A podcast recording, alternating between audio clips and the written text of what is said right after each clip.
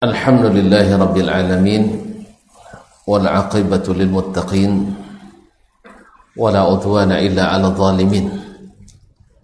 أشهد أن لا إله إلا الله وحده لا شريك له الملك الحق المبين وأشهد أن محمدا عبده ورسوله السيد الأمين صلى الله عليه وعلى آله الطيبين وأزواجه الطاهرات أمهات المؤمنين.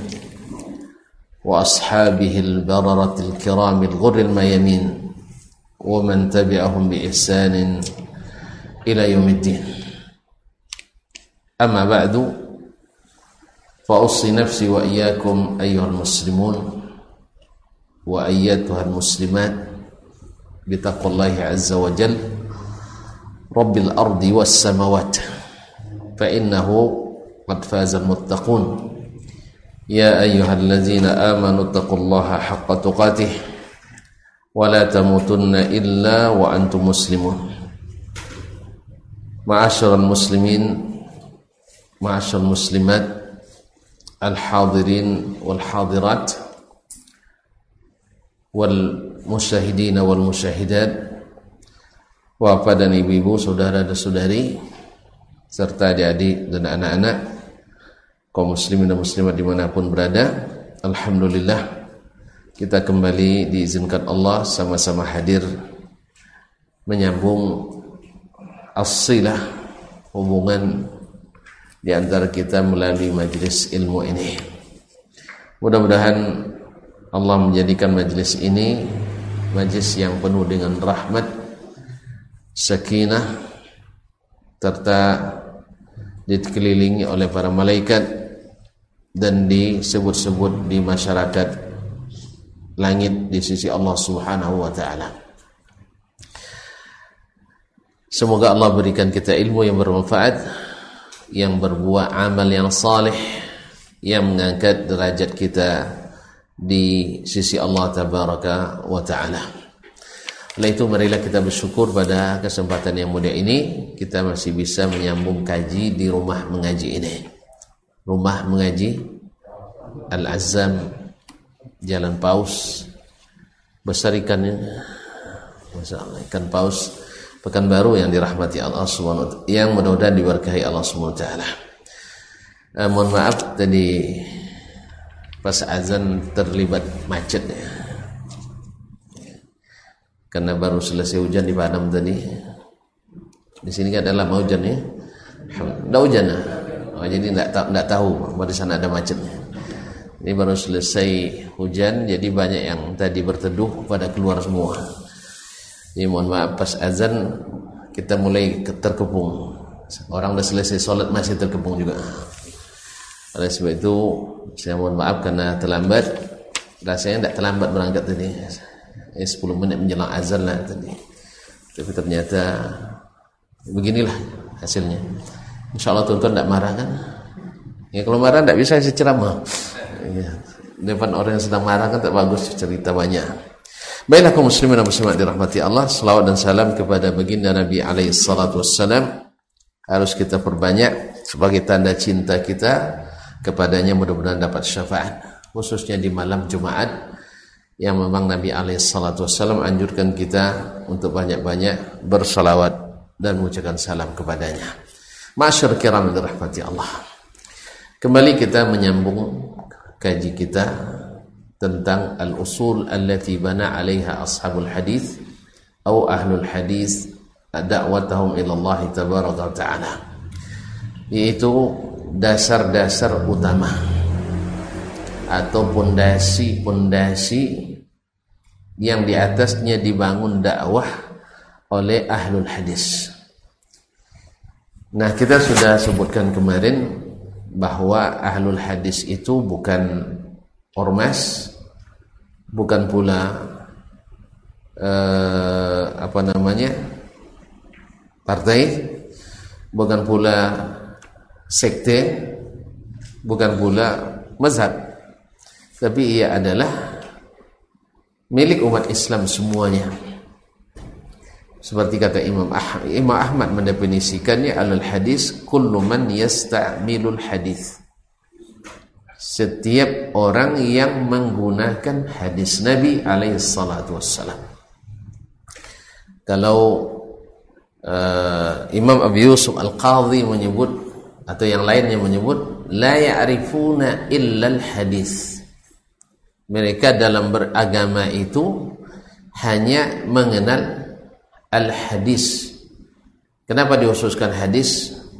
tidak masuk Al-Quran karena siapa yang mengamalkan hadis otomatis mengamalkan Al-Quranul Karim tapi siapa yang mengamalkan Al-Quran tanpa hadis dia tidak akan bisa mengamalkan Al-Quran apalagi hadis Nabi wassalam maka disebutnya itu namanya ini adalah uh, apa namanya min ifadatil luzum yaitu lazimnya orang yang mengamalkan hadis mesti mengamalkan Al-Qur'anul Karim. Sama kita disebut ahlus sunnah.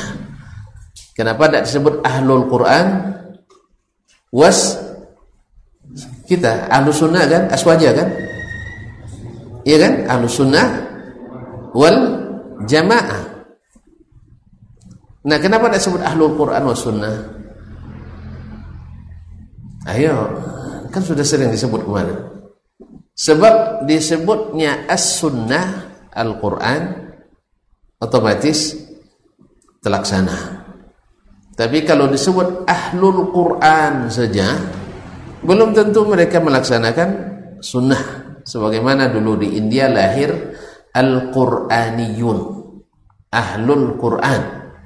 Jadi mereka menafsirkan Al-Quran tak pakai sunnah akhirnya meninggalkan Al-Quran dan menolak As-Sunnah. Lahirlah di Indonesia namanya ingkarus sunnah.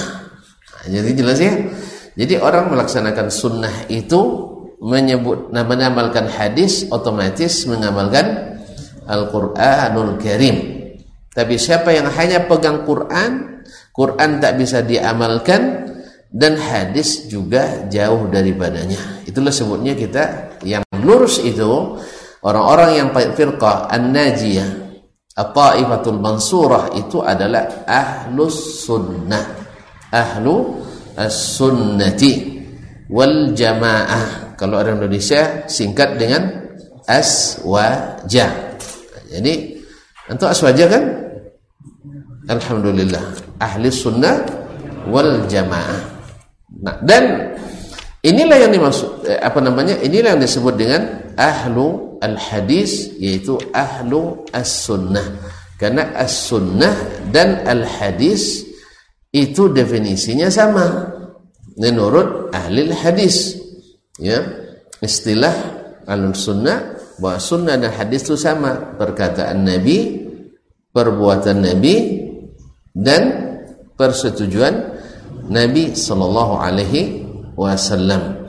Jadi kalau ada perkataannya berarti sunnah, berarti hadis. Ada perbuatannya sunnah dan hadis. Atau ada persetujuannya terhadap amalan sahabat, maka itu disebut sunnah. Kalau keluar dari ketiganya berarti berarti berarti bukan bukan sunnah. Ya. Baik secara istidlal yaitu berdalil dengan secara tekstual ataupun secara istimbat yaitu berdalil dengan cara kon kontekstual. Terus ya? Nah, kaum muslimin dan muslimat dirahmati Allah. Nah, ahlul hadis ini bukan tadi ormas, organisasi massa tidak. Bukan pula sekte dalam Islam bukan, lebih lagi tidak. Bukan pula mazhab fikih tertentu tapi dia adalah semua yang melaksanakan dan memakai hadis di dalam beragama itu namanya ahlu al-hadis.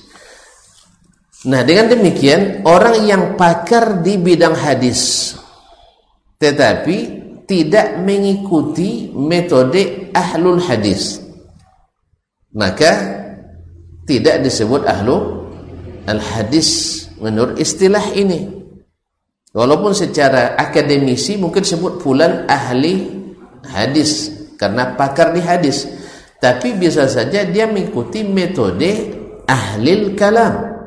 Karena selalu di di apa namanya dianggap rival antara ahlul kalam dengan ahlul hadis makanya terjadi suatu hal yang kontradiktif di khususnya di kalangan mutaakhirin mereka pakar di hadis tapi terkontaminasi oleh metode ahli ahli kalam atau oleh ahli ar-ra'i jadi mereka asalnya ahli hadis tetapi karena terkontaminasi akhirnya bercampur-campurlah antara metodologi ahli hadis dengan ahli al-kalam.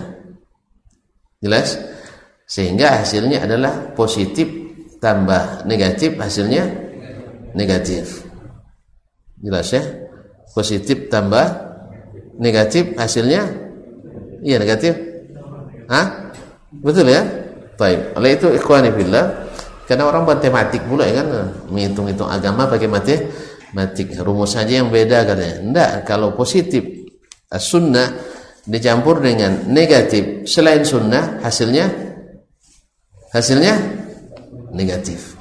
Oleh itu, misalnya kalau tuntun punya sepeda motor baru lalu dibiayai dibuat modifikasi yang tidak ada dari keluaran pabrik, tidak ada katalognya. Stangnya awalnya begini atau buat begini Habis itu jual tambah mahal atau tambah murah? Ustaz. Tidak percaya coba beli besok Nmax. Iya. Bikin aksesoris yang tak asli. Ya bikin modifikasi lah. Tanggalkan knalpotnya. Ganti knalpot yang ribut itu. Insya Allah tambah mahal tambah murah. Tambah murah. Ada. Jelas ya? Demikian juga dengan sunnah itu kalau campur-campur dengan selain sunnah maka akan menghasilkan nilai yang ya yang minus berkurang nilainya oleh sebab itu di sinilah letaknya nanti di al aslu as-sabi di dasar yang ketujuh nanti adalah at-tasfiyah yaitu menyaring ilmu. Al hadis itu seperti kata Yahya bin Ma'in iza katabta faqammish wa idza haddatsta fafattish. Bila sedang menuntut ilmu mencari hadis tulis semuanya. Itu metodenya ahli hadis itu. Jadi ketika mencatat belajar mereka tulis semua tapi wa idza haddatsta ketika sampai ke majlis menyampaikan hadis yaitu untuk diamalkan jazakallah khairan Nah, Syekh. Tak boleh diminum dulu. Oh gitu, terlindung antum ya? Oh, yang sana pula terlindung. Baik, khair insyaallah. Sampai di mana tadi? Hah? Jadi lupa saya gara-gara airnya. Hah? Nah, Yahya ibn Ma'in rahimahullah mengatakan idza katabta faqammish wa idza haddatsa fafattish. Di saat sedang menulis, mengumpulkan maklumat hadis catat semuanya. Tapi ketika menyampaikan ketika menuliskan dan dijadikan sebagai hujjah maka disaring. Itulah Imam Al-Bukhari rahimahullah menyaring hadis-hadisnya dalam as-sahih dari 60 ribu atau 600 ribu hadis sahih eh, 60 ribu hadis hadis sahih beliau saring yang ada di sahih Bukhari lebih kurang 4 ribu hadis jadi ketika menulis ini ketika menyampaikan disaring. Makanya dulu mereka juga mungkin mengambil dari orang-orang yang yang mungkin majruh. Kalau dari mujarrad ta'dil mungkin uh, belum kita belajar di sini. Nah, tetapi hadisnya ternyata hadisnya setelah disaring bagus. Maka itulah sebabnya ada sebagian hadis yang diriwayatkan oleh Imam Al-Bukhari dari orang yang sebenarnya ada orang lain yang lebih pantas dijawabkan daripadanya. Misalnya ahli bid'ah. Ahli bid'ah ini antum dengar bid'ah langsung melalak matanya. Ya, ahli bid'ah itu tidak satu derajat, banyak derajatnya. Ada yang dengan bid'ahnya keluar dari Islam, ada yang dengan bid'ahnya dia fasik, ada yang dengan bid'ahnya rusak muruahnya. Jadi tidak sama, tidak bisa disamaratakan. Ya, paham itu ya? Kalau nak tahu nanti kita belajar jawab ta'dil nanti. Ada dhawabitul jarhi wa ta'dil. Tapi sabaran tuh 20 tahun belajarnya itu sing orang dulu sampai 30 tahun 50 tahun dia belajar 20 ah, tahun dah cepat sentuh kalau jangan bicara masalah itu dulu ya dosa dulu nah kaum muslimin dan muslimat dirahmati Allah Subhanahu wa taala. Jadi ketika menyampaikan di tasfiyah disaring harus ada jaringan. Maka di sinilah juga nanti akan terjadi perbedaan antara ahli hadis dengan makna yang menggunakan hadis dengan hanya makna pakar hadis. Yaitu asal sebut skala Rasulullah yang penting maknanya baik langsung di disampaikan tanpa di disaring ini juga uh, namanya kekeliruan kemudian harus dipahami pula bahwasanya ada orang dari sisi jalannya sudah benar. Sah? Dari sisi jalannya sudah benar. Cuman ada masanya dia baik karena hasil ijtihad atau kelalaian akan tersalah. Makanya ada di antara ulama ya ahlu sunnah yang sepakat semua ulama menyebutnya sebagai imamnya ahlu sunnah kadang-kadang menuliskan dalam kitabnya hadis palsu. Paham tuh? Paham tak? Kalau sebut orangnya nanti harus antum marah. Tidak saya sebut gitu ya. Biasa saja orang sekelas Imam Ash-Syafi'i rahimahullah. Lalu antum tinggalkan Imam Syafi'i. Jawab saya. Enggak, nah, itu itu ini harus dipahami oleh kita bersama ikhwani fillah. Itu gunanya belajar itu. Jadi bisa saja dari sisi jalan dia sudah lurus. Tetapi kadang-kadang ter terpeleset. Makanya di saat guru terpeleset, kita jangan ikut terpeleset. Nanti sama-sama jatuh. Paham tuh? Maka di saat guru terpeleset, kita yang selamatkan. Misalnya antum belajar sama Dasman. Jelas? Lalu dia sampaikan secara umum dasar-dasarnya oke. Okay. Cuma dalam satu masalah misalnya dia berijtihad. Bisa ijtihad dari sisi ilmu, tidak salah. Penerapan kadang-kadang memerlukan ijtihad khusus. Ada hal-hal yang awalnya tak boleh dilakukan, tapi karena keadaan tertentu harus dilakukan karena pertimbangan dakwah. Antum jangan ikuti itu kalau tidak dalam kondisi yang sah, yang sama. Jelas? Misalnya antum sholat sekarang berjarak, sini tidak lagi nampaknya, tidak ada corona di sini. Iya, berjarak, sah. Besok kalau selesai wabah jangan buat gitu lagi. Sekarang kan karena ada uzurnya, ya ada uzurnya. Sebagian tidak menganggap uzur lagi. Nah, lah capek kita berjarak-jarak katanya corona tidak datang-datang juga katanya kan. Ah, iyalah. Mana tahu sebagian apalagi di kampar sana ya cuy dah dah dah danyi di sungai kampaunya Allah musta'an padahal yang lewat-lewat juga rahimahullah taala. Intinya catat baik-baik ya bahwa yang berada di jalan yang benar bukan selamanya benar. Kecuali Rasulullah sallallahu alaihi wasallam oleh sebab itu kita dilarang mencaci dan mencela siapa yang salah. Tetapi wajib membenarkan mana yang salah.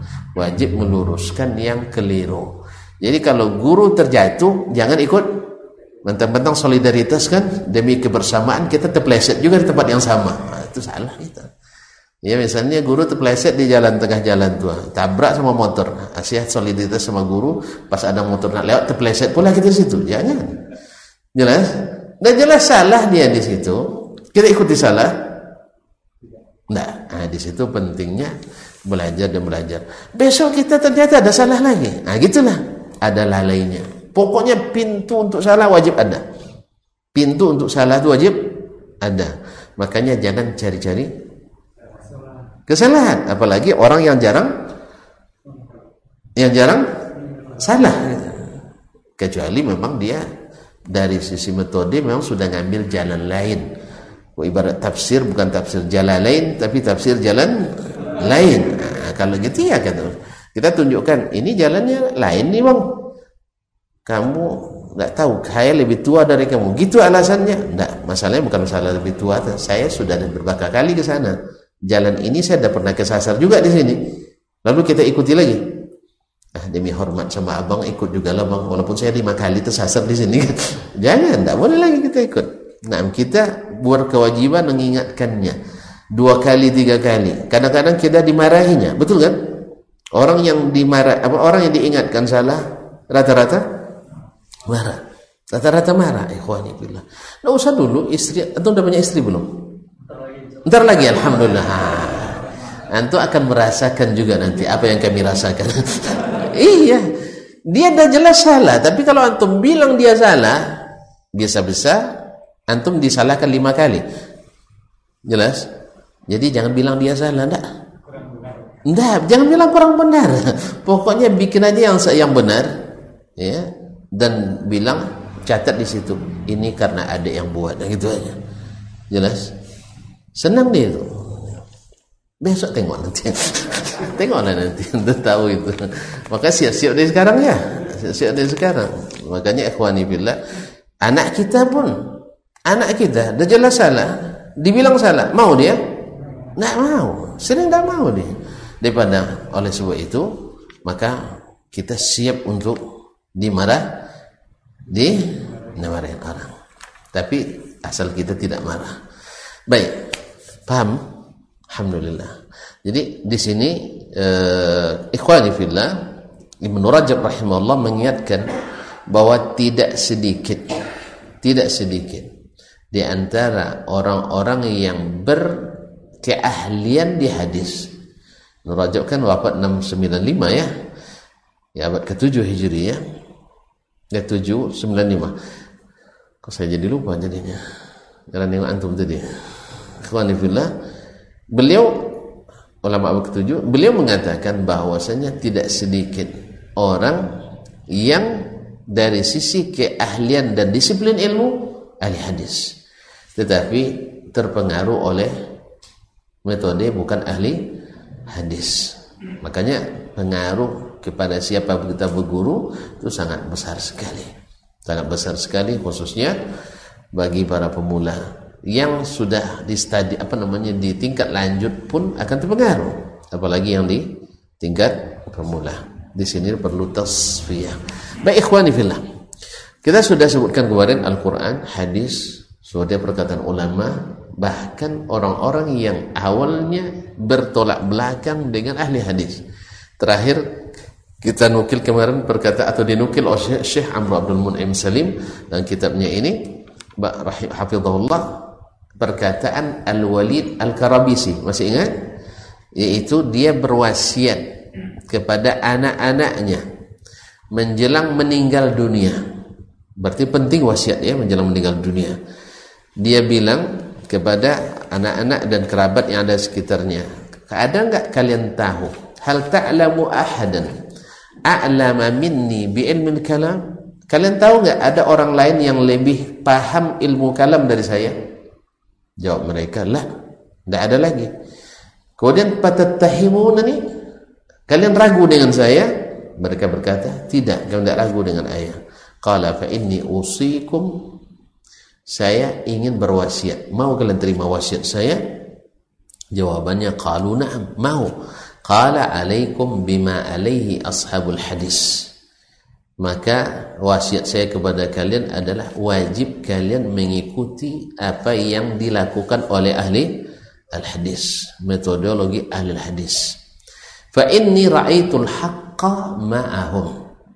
Karena saya melihat kebenaran itu ada bersama mereka. Subhanallah waktu hidup dulu berdebat luar biasa dengan ahli hadis ini ya tapi menjelang meninggal rupanya ngaku. Fitrah itu sebenarnya orang ngaku benar itu ada. Kalau antum tanya nanti ketika kita berdebat panjang misalnya masalah apa pun dalam agama ini baik masalah fikih, masalah akidah. Ya kalau kita jujur secara ilmu ketika kita tanya misalnya tentang akidah, tentang Allah di mana? Al-Qur'an jelas, hadis jelas. Sah?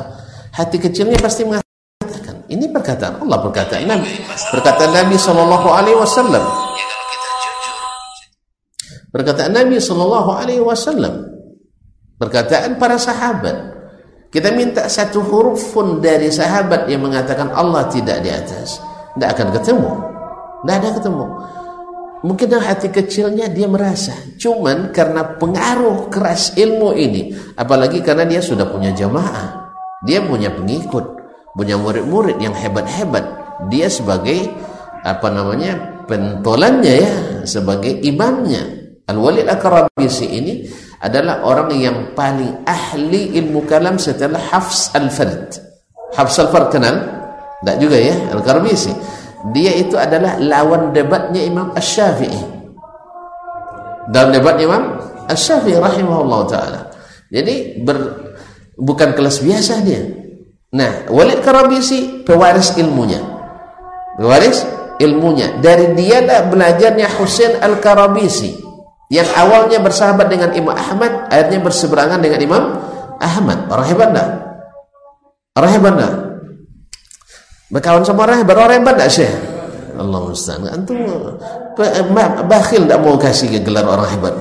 Bukan untuk saya untuk mereka mereka dah saya ujub saya nanti. Ini mereka sudah selamat semua. Mereka orang-orang hebat semuanya. Al-Walid Al-Karabisi ada gurunya eh, muridnya Hafs Al-Fard. Hafs Al-Fard adalah eh afwan Al-Husain Al-Karabisi yang merupakan yang awalnya dengan Imam Ahmad rahimahullah akhirnya berseberangan gara-gara belajar ilmu kalam. Coba lihat, awalnya sama-sama hadis, tapi karena dicampur dengan hadas akhirnya menjadi ahli.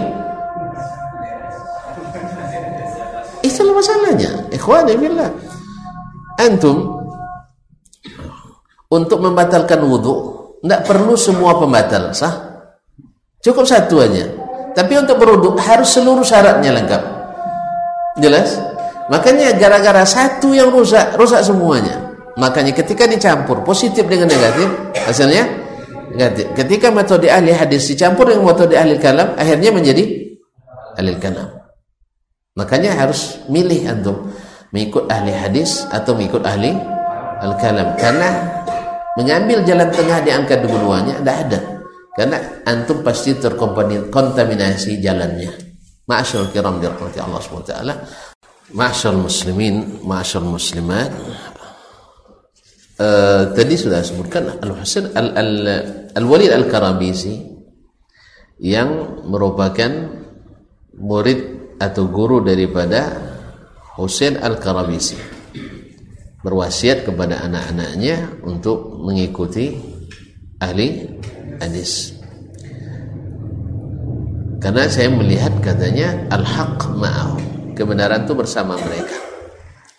Gimana tidak? Karena mereka mengikuti hadis-hadis Nabi Sallallahu Alaihi Wasallam.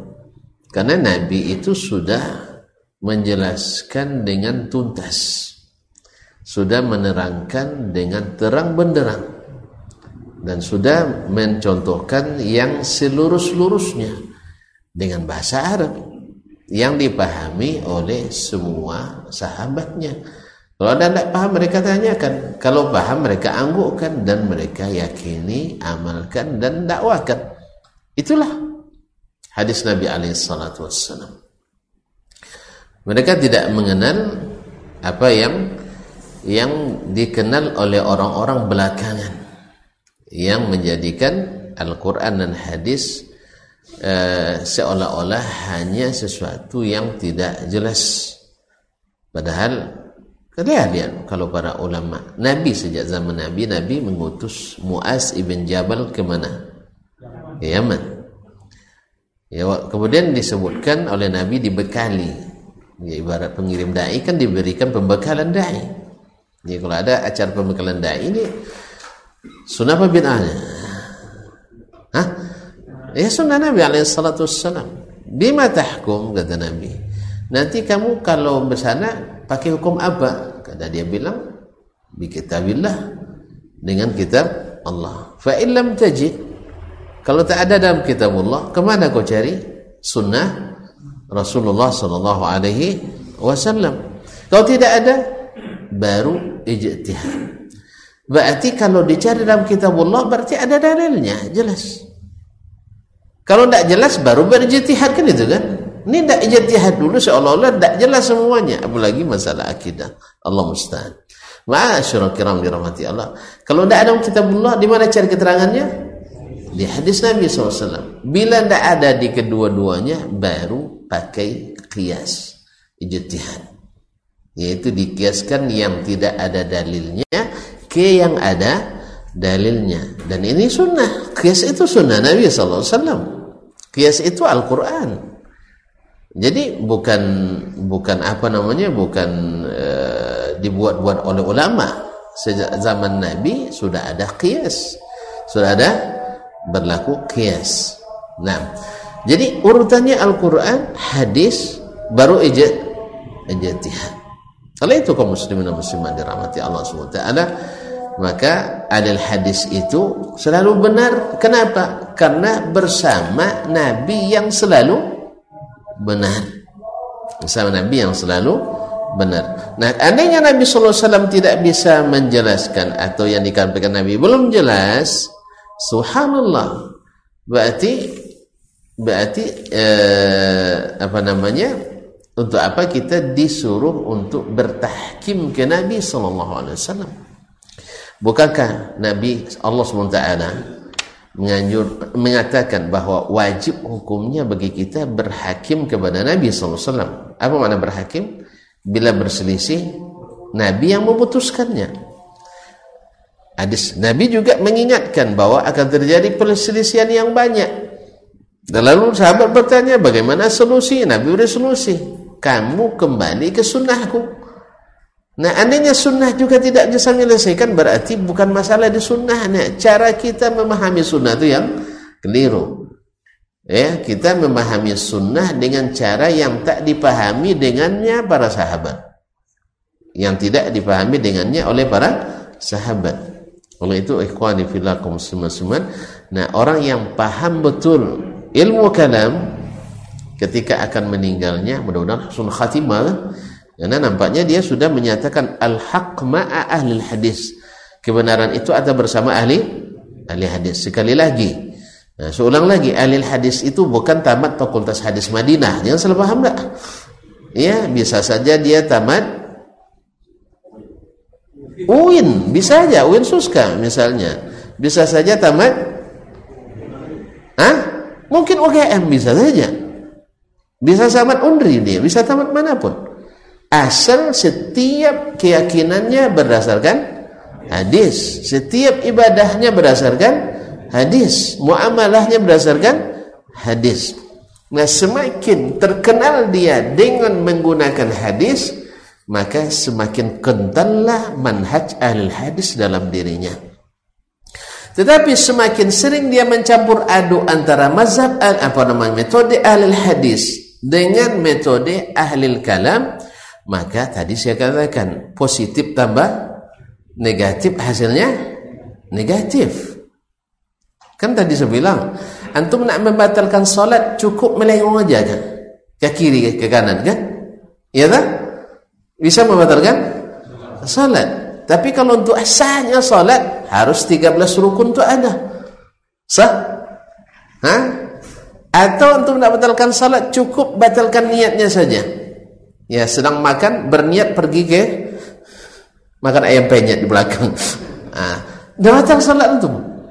Karena antum sudah berniat membatalkan salat. Walaupun tidak seluruh rukun itu di ditinggalkan. Tidak seluruh syarat tinggalkan demikian juga dengan metode ini. Kalau antum memang ahli hadis maka berjalanlah di atas manhaj ahli hadis. Sebab ketika satu antum campurkan antum akan dikenal dengan dengan dengan metode yang antum campurkan itu.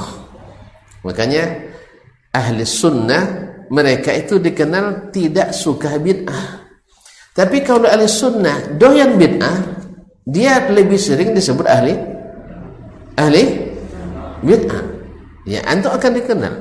Makanya ada kaidah di antara para yang disebutkan oleh para ulama, la yu'raful haqqu birrijal, walakin yu'rafur rijalu bil kebenaran itu tidak diketahui karena banyaknya orang tapi orang itu dikenal dengan kebenaran yang dia pegang di sebulan dikenal dengan sunnah kenapa? karena keyakinannya ikut sunnah beribadahnya ikut sunnah ngajinya ngaji Orang marah dibilang ngaji sunnah. Jadi masjid sunnah, pakaian sunnah, kacamata sunnah. Gitu. Subhanallah. Gadal ahlu sunnah tapi gerah mendengar istilah sunnah. Kalau mau antum sunnah, banggalah. HP sunnah. Air sunnah. Mikrofon sunnah. Kalau bisa semuanya sunnah. Seperti kata Sufyan al-Thawri rahimahullah. Lau istata'ta alla tahukka ra'saka illa bisunnah. Fafa'al. Kalau seandainya kau bisa tidak garut kepala kecuali dengan sunnah, lakukan. Garut kepala sun sunnah. Dan itu hal biasa bagi ahlu sunnah itu merasa sesuatu yang indah. Tapi bagi mereka yang yang apa namanya tidak familiar dengan sunnah menganggap itu sesuatu yang luar biasa. Ini eksklusif namanya. Ini namanya eksklusif. Nah biasa aja kok. Insya Allah. Ah? apa? Yang janggal. Yang janggal, enggak ada yang janggal di situ. Nah, cuman kalau memang antum dimarahin orang bilang peci sunnah, enggak usah dibilang lah ya. Ya, yang berpuasa harus menghormati yang tidak puasa. Paham? Kita kan di zaman yang berpuasa wajib menghormati yang tidak puasa. Nah, sekarang yang nyunnah wajib menghormati kan gitu jadi kalau orang tersinggung gara-gara itu tidak usah diistiharkan jelas sama dengan mengikut as-salaf kalau seandainya kata Syekh Utsaimin menyebabkan eksklusifisme menyebabkan orang tersinggung tidak usah dia jelas apa, apa namanya sakit lambungnya gara-gara berlenggar kata salaf antum apa sampai ke salap-salap juga kepalanya ya enggak jangan jangan maka gunakan untuk orang yang yang senang mendengarnya. Antum ikut salaf? Iya. Tapi kalau di depan mereka, enggak. Jangan bilang ikut salaf, ikut Rasulullah. Jelas? Jadi paksakan juga dibantah kita nanti. ya, jelas tuh ya. Kadang-kadang bangga mulu tuh. Nengok orang sakit kepala, nengok kita. Naik asal lambungnya bangga pula. Jangan, ini tidak boleh menyakiti saudara muslim itu tidak bagus. Ya Pak ya? Jelas? Jadi ada ada Ustaz ditanya di Jogja atau di mana. Saya kagum dengan jawabannya. Atau di Mesir malah Ustaz di Mesir. Ditanya oleh reporter, apa presenter televisi. Antum salafi ya katanya. Enggak. Antum eh, salafi enggak. Saya muslim. Saya muslim. Kenapa? Ini orang tidak familiar dengan istilah itu. Jelas. Dia ingin kita menyebut kita muslim muslim dan itu sebutan tertinggi Allah yang namakan kita muslimin mulai samakum samakum muslimin ini sebutan tertinggi lebih hebat dari sekali wala tamutunna illa wa antum muslimun. Tidak ada wala tamutunna illa wa antum salafiyun. Tidak ada. Itu harus paham kita ikhwani bila. Jangan lebih tinggi lagi salafi daripada muslim. Muslim lebih tinggi dari dari salafi. Karena muslim itu Allah yang namakan kita dengan muslimin. Jelas? Dalam Al-Quran, dalam sunnah Nabi SAW. Ini tidak kadang-kadang Masya Allah menyebut Muslim ragu dia, tapi menyebut Salafi keren. Muslim lebih keren dari dari Salafi. Jelas? Jadi mohon maaf ini, jangan salah paham dah. Jadi kalau andainya yang mendengar kepanasan, dia saudara Muslim kita tidak usah disampaikan di depan dia. Cukup antum uh, mazhabnya apa? Saya mazhabnya Nabi Muhammad sallallahu alaihi wasallam. Marah juga dia. Oh enggak, maksud saya mazhab fikihnya. Mazhab saya empat. Hanafi, Maliki, Syafi'i. Enggak, harus pilih salah satu. Ah, kalau pilih, saya pilih Imam Syafi'i. Enggak masalah itu. Karena antum pilih Syafi'i oke, okay, pilih Maliki oke, okay, pilih Hambali juga enggak masalah. Cuman karena antum di kalangan Syafi'iyin bilang saya ikut Syafi'i. Dah. Soal antum ta'assub, soal antum taklid dan sebagainya itu urusan lain nanti. Pokoknya bikin orang bergem, bikin orang se senang gitu. Biar di sana senang di sini senang di mana-mana hati ke sana. Daripada nyusahin gitu. Habis itu baru ajak ngaji. Ya, aja ngaji. Ayo ngaji kita ke Azam. Ya, ajak ngaji ke rumah mengaji Azam. Nanti ada dengar, oh begini rupanya Imam Syafi'i itu ya. Ternyata Imam Syafi'i itu dia ingin orang ngambil ilmunya semuanya tapi tidak dibuat mazhab untuknya. Ini cita-cita Imam Syafi'i. Inilah atamanna ayyukhadha minni hadzal ilmu wa la yunsabu minhu ila nafsi syai'un. Saya ingin ilmu ini diambil orang semuanya, tapi tak satu pun disebut dengan ilmu Syafi'i. Tapi Allah SWT menghendaki nama beliau cemerlang, gemilang dan terbilang sehingga terbentuklah mazhab Asy-Syafi'i. Oleh sebab itu yang mewajibkan bermazhab Syafi'i saya kira dia tidak paham maksud Imam Asy-Syafi'i atau paham tetapi ha, tidak mau mengikut Imam Asy-Syafi'i rahimahullah. Dia sendiri yang bilang bahwa saya ingin ilmu ini diambil lalu tak satu pun dinisbatkan ke saya. Kalau kita wajibkan orang mesti masuk syafi'i. Ini mempersempit yang lapang.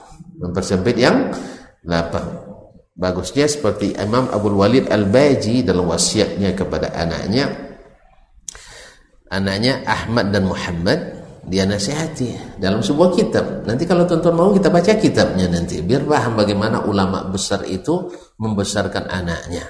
Apa katanya? Wahai kedua anakku, jangan kamu berdua sekali-kali taklid dalam beragama kepada siapa pun. Padahal ayahnya imam besarnya mazhab Maliki di Andalus pada masanya. Ini yang menasihati begitu. Jangan kamu beragama taklid kepada siapa pun, hatta kepada ayah. Jelas? Karena semua kita akan diminta. Kenapa ikut ini? Ditanya. Wala takhfu ma laysa laka bihi ilmun inna sam'a wal basar wal fuada kullu ulaika kana anhu mas'ulah. Jangan kamu mengikuti sesuatu yang tanpa ilmu. Karena pendengaran, penglihatan, hati akan diminta pertanggungjawaban. Wa illam lakum min zalika buddun katanya andainya tak dapat jalan kecuali harus taklid juga. Ah ini misalnya. Pokoknya anda belajar. Ah, boku juga otak tu tidak mau juga belajar. Apa tidak mau ejer kan? Tidak bisa juga bebas dari taklid maka kalau tidak bisa kamu berbebas dari taklid maka taklidlah kepada Imam Malik nah, kenapa dipilih Imam Malik karena ayahnya Imam Mazhab Maliki Jelas. Jadi taklid itu bukan disuruh. Kalau bisa ditanggalkan. Apalagi ta'assub. Apalagi panah, fanatik buta. Kalau bisa.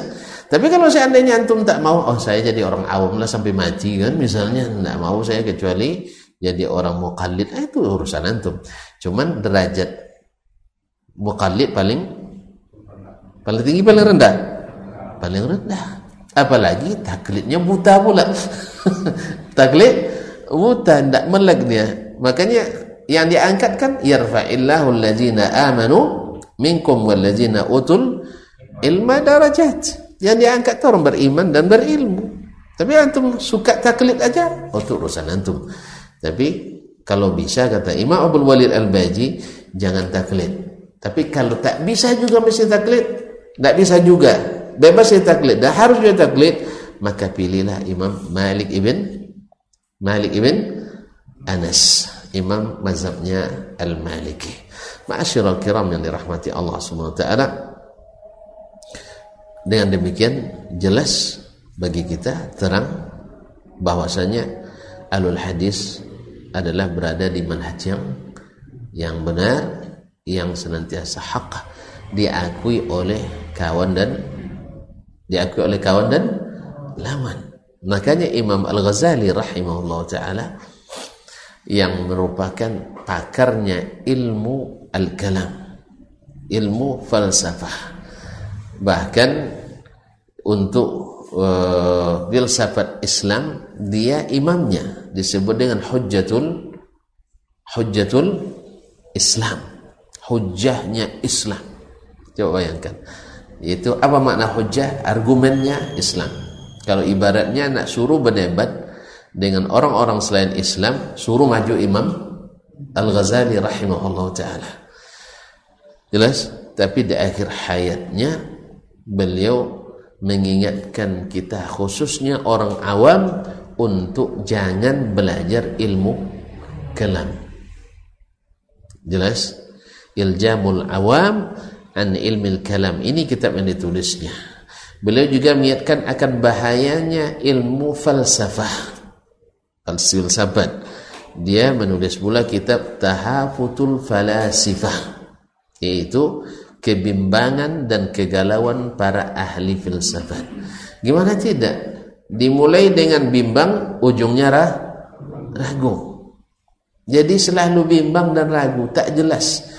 Dengar yang ini betul juga. Dengar yang lawannya itu betul juga. Lalu mana yang benar? Kita tidak bisa memutuskan yang benar. Hanya Allah saja yang tahu katanya. Bunyinya betul itu. Allah Allah yang tahu.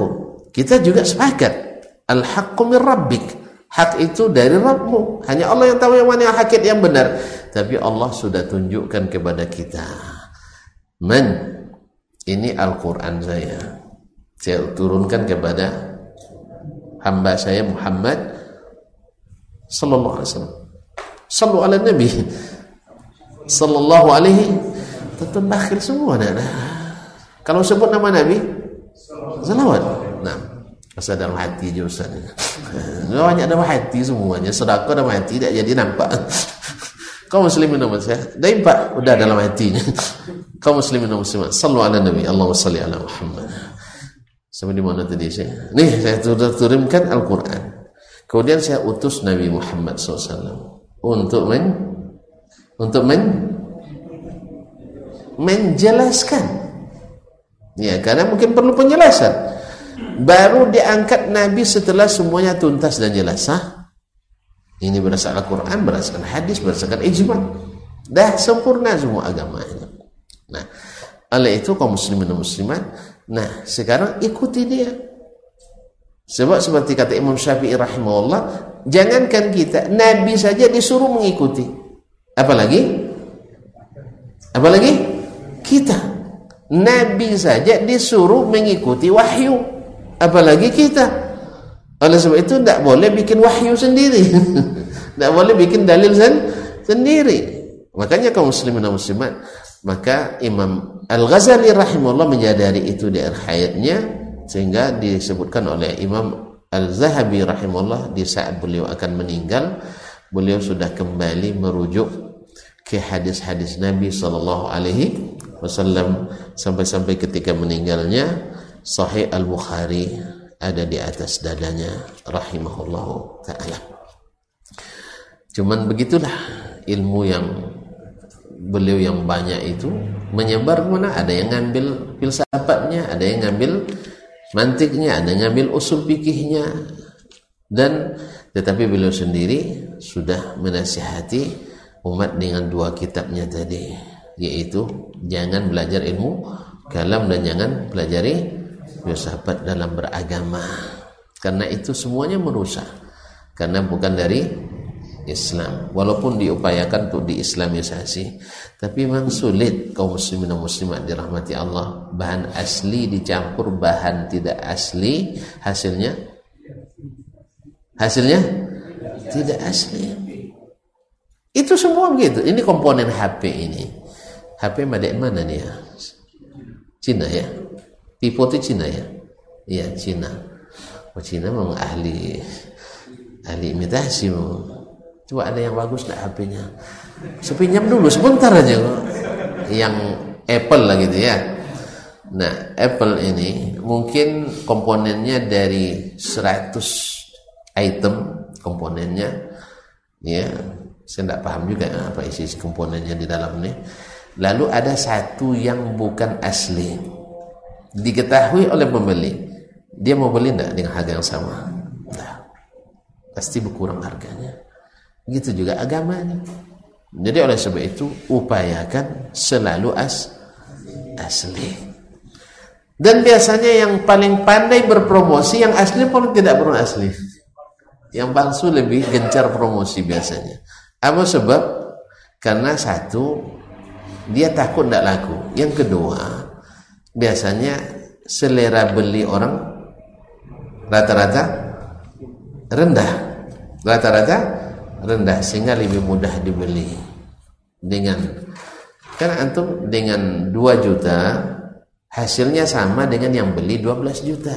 Kan bisa WA juga bisa FB juga bisa selfie juga bisa Quran juga bisa live streaming juga dan seterusnya Terus kenapa saya beri mesti beli mahal katanya? Kok semua masuk surga juga katanya? Kaum muslimin. Kan itu kan semuanya juga masuk surga. Amalkan ini masuk surga. Amal masuk lebih baik yang murah mah meriah. Kan ada orang suka skeptis gitu cara berpikirnya kan.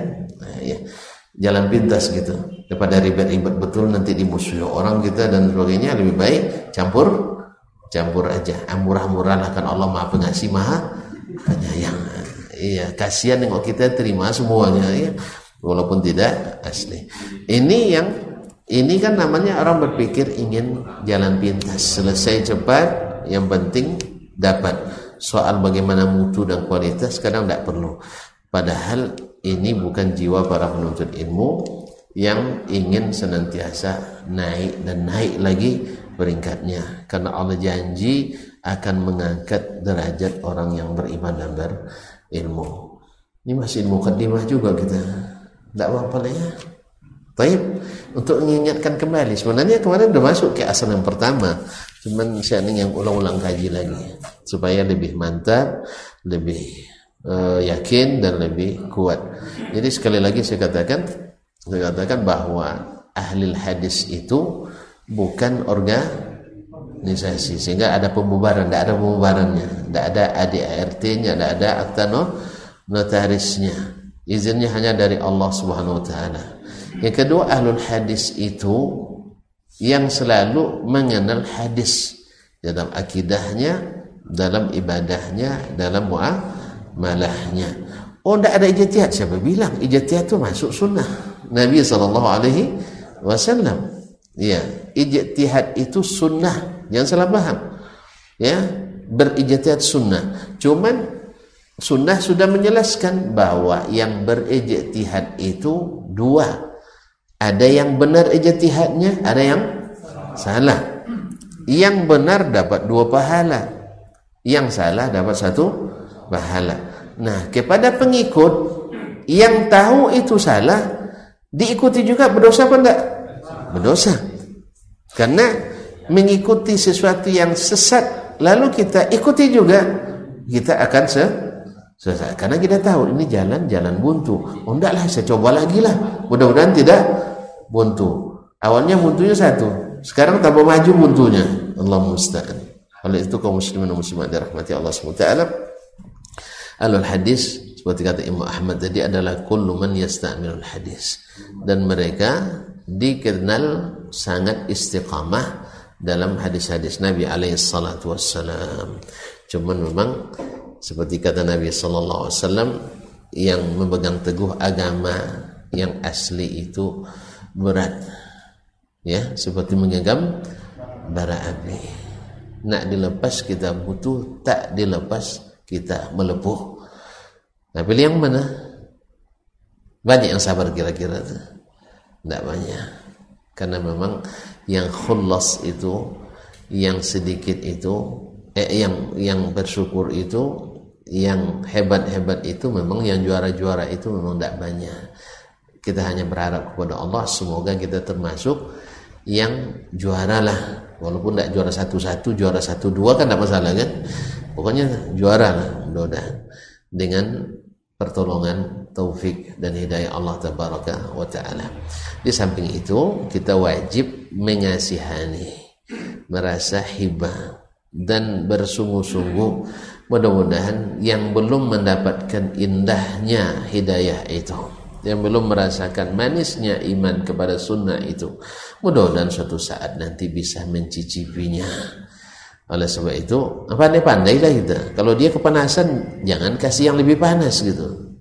Ya, ibarat dosis obat, kalau dosis 500 mg bisa hitam, turunkan jadi 250. Ya, ini enggak antum udah jelas kepanasan ditambah jadi 750 dosisnya. Tentu enggak bakal sembuh dia. Makanya dai itu harus pandai.